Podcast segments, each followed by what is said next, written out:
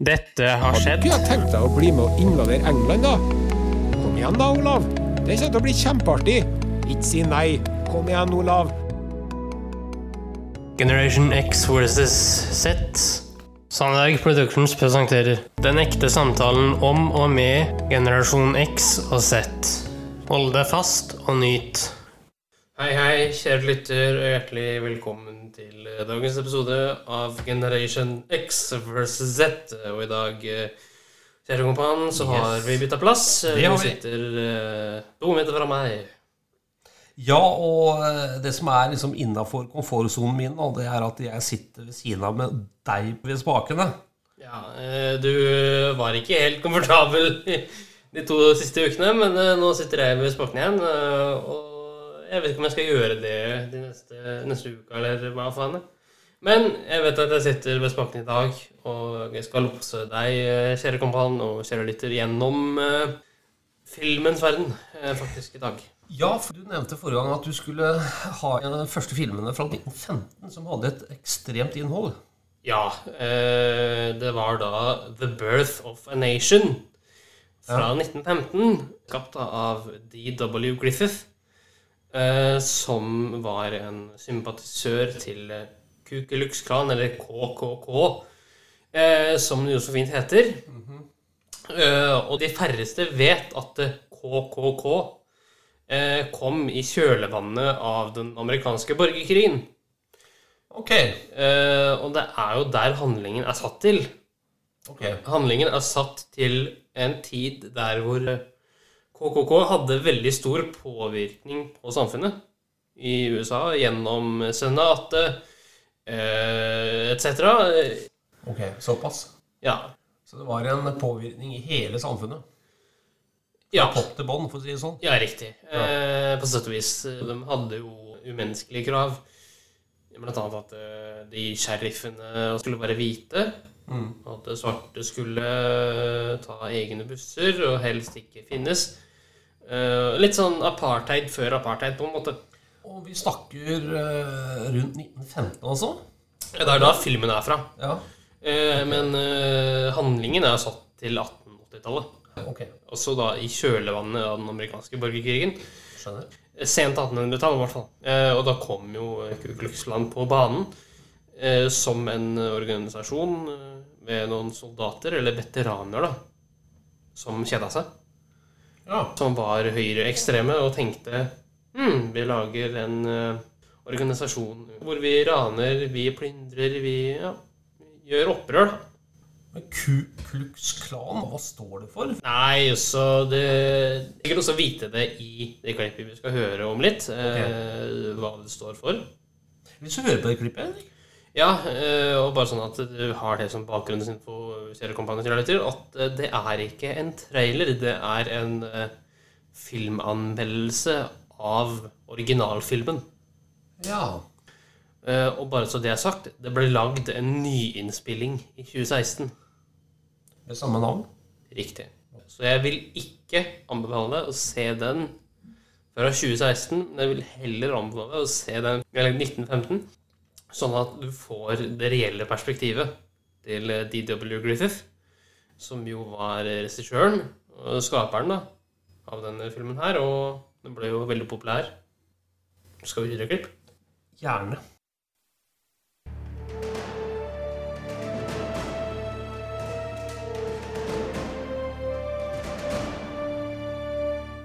The Birth of a Nation was directed by D.W. Griffith and is based off of the novel The Klansman by Thomas Dixon. It was released in 1915 and tells the story of two families as their lives are forever altered by the events of the Civil War and its aftermath, while also telling the account of how the KKK was born. It's no secret to anyone that The Birth of a Nation is one of the most controversial films of all time, and rightly so. It's seen as both a masterpiece of filmmaking with its epic scale, three hour runtime, battle scenes, technical achievements, and so on. But in turn, it's also one of the most vile and unapologetically racist films ever put to screen. And yet, people still talk about this film even today. So, why is that? Just a quick Google search will show you that The Birth of a Nation, by many film critics and film historians, is put up there as one of the greatest films ever made, the most important, the most influential, and in a lot of ways, it's all those things. However, it's hard to talk about this film's technical achievements without discussing the elephant in the room, and that is the racism present throughout its three hour plus runtime. The Birth of a Nation is the embarrassment of American cinema, and many people would rather forget it existed than remember it altogether. And this isn't anything new. Song of the South was a very controversial film when it was released, and the creators of that film and its producers have fought to make sure this film is never released to the public again because they are embarrassed by what they made. And so the Disney company has really done a good job of making sure that this is never seen by anybody. It cannot be sold. And that's very different than with Birth of a Nation, where it is readily available for people to watch and sit down and talk about. And it's not going away anytime soon. But as much as we try to forget the film, the film persists. We still talk about it, we still discuss it, but for many, we're also very afraid of it, and it's understandable. The Birth of a Nation is a very tabooed film for many people. The very thought of it and what it stands for is sickening to many people, and I get that. It's a difficult film to watch, much less talk about. But why do we still watch it? Because we're fascinated by it. It's insane to believe a film like this exists that showcases such vile hatred towards an entire race of people that have done nothing wrong, and we see its very existence as an injustice to them. How dare we let this exist? How dare we keep showing this? How dare we talk about it? But it should be talked about. Like any other film, it's worth discussing and dissecting, and that's what the goal of this video is. The Birth of a Nation is a film I have struggled with for a few years now, and at the time of this video, I've seen the film at least five times, and I find myself constantly coming back to it.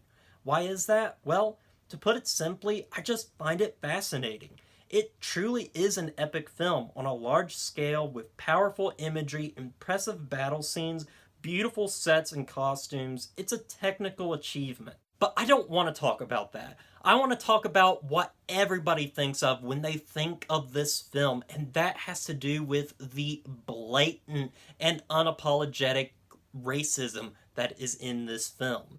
How dare you watch a vile, racist, and ugly film? This film should be buried, destroyed, and forgotten. Nobody should watch this film. Now, I completely understand the crowd of people that think this way. They have every right to think of this film in that way, and I agree with them. The film is vile and racist and ugly, but I'd argue it shouldn't be buried and destroyed nor forgotten. It should be remembered for what it is a groundbreaking, impressive picture by one of film's most important early filmmakers. But it should also be remembered for its racism and inaccurate depictions of African Americans during Reconstruction by a filmmaker who was, by all accounts, a racist.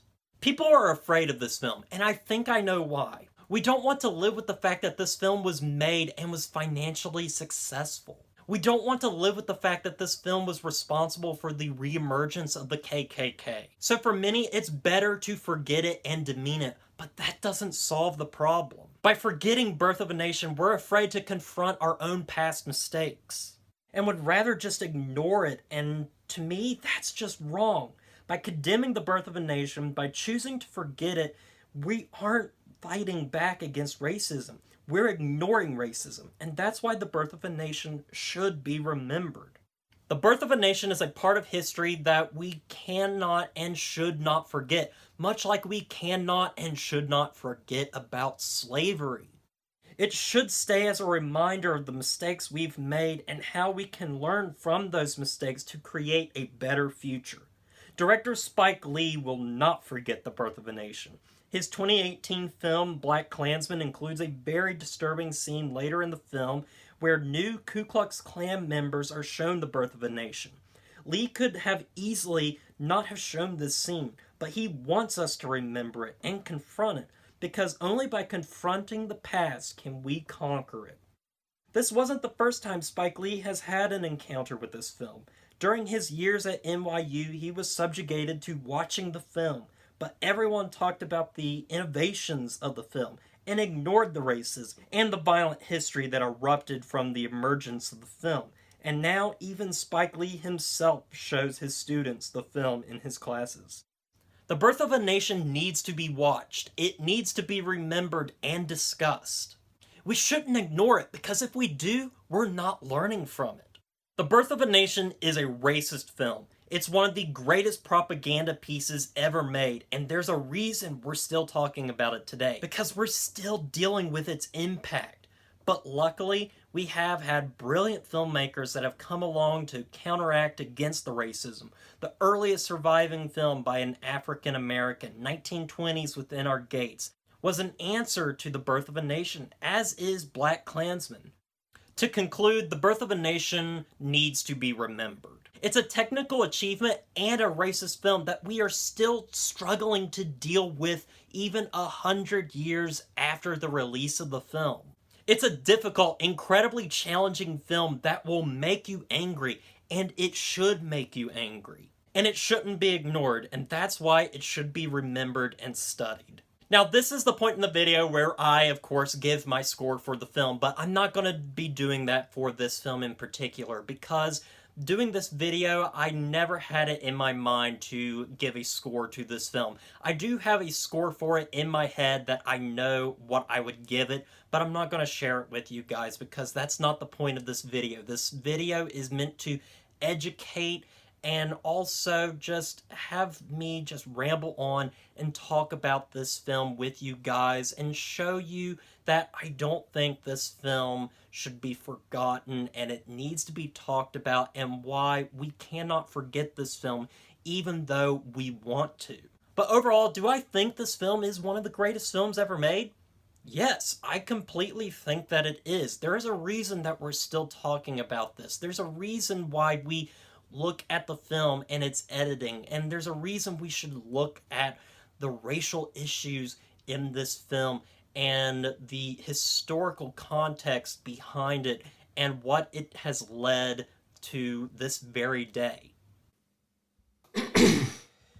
Det var en eh, påminnelse, men hva tenker du? Skal vi glemme det, begrave det, eller få det fram i lyset? Nei, vi skal ikke glemme det, altså. Mm. Det ser jo selv om i Norge. Det er jo altså et land med rasisme, dessverre. Det er noe som må gjøres noe med. Ja. Eh, Nå skal vi til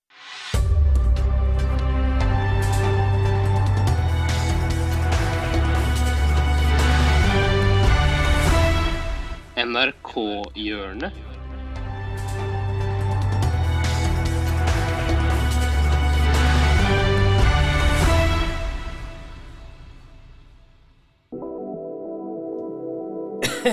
ja da. Ja, litt humor må til. Fra film om eh, KKK. Til eh, noe helt annet.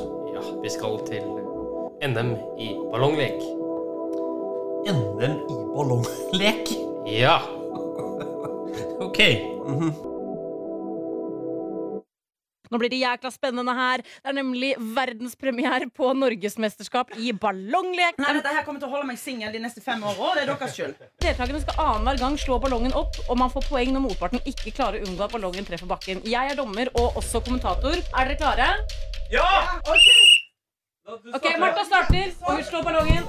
Tete fortsetter. Ja, de bruker hendene i, i, i Oi, oi, oi, oi, et, Et, et, et, nei! Hva skjedde her nå? For dette ballongen havna på bordet. Ok. Å, ja, det bordet er en slags Nei.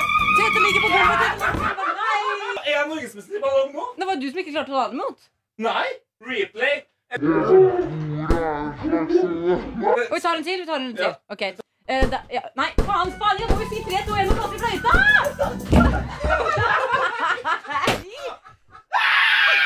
Har dere ambulanse til stede? Vi har mann nede.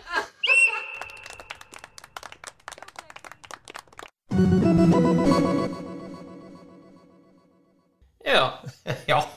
Uh, det, uh, det er som du sa, Henrik. Det er liksom fra seriøsitet til uh, God dose med, med gal humor. Ja, og de filmene jeg har sett, da, som er svar til Birth of a Nation, Ja. eller motsetninger, det er Good Vibe Fana' og The Color Purple.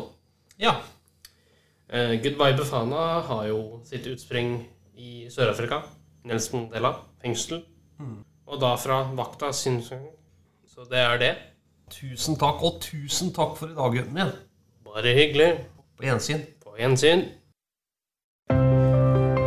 Tusen takk for at du fulgte oss. Eh, Gi gjerne tilbakemelding, likes eller kommentar på Facebook-siden vår Generation X versus Z. Velkommen igjen til neste podkastepisode. Hei då!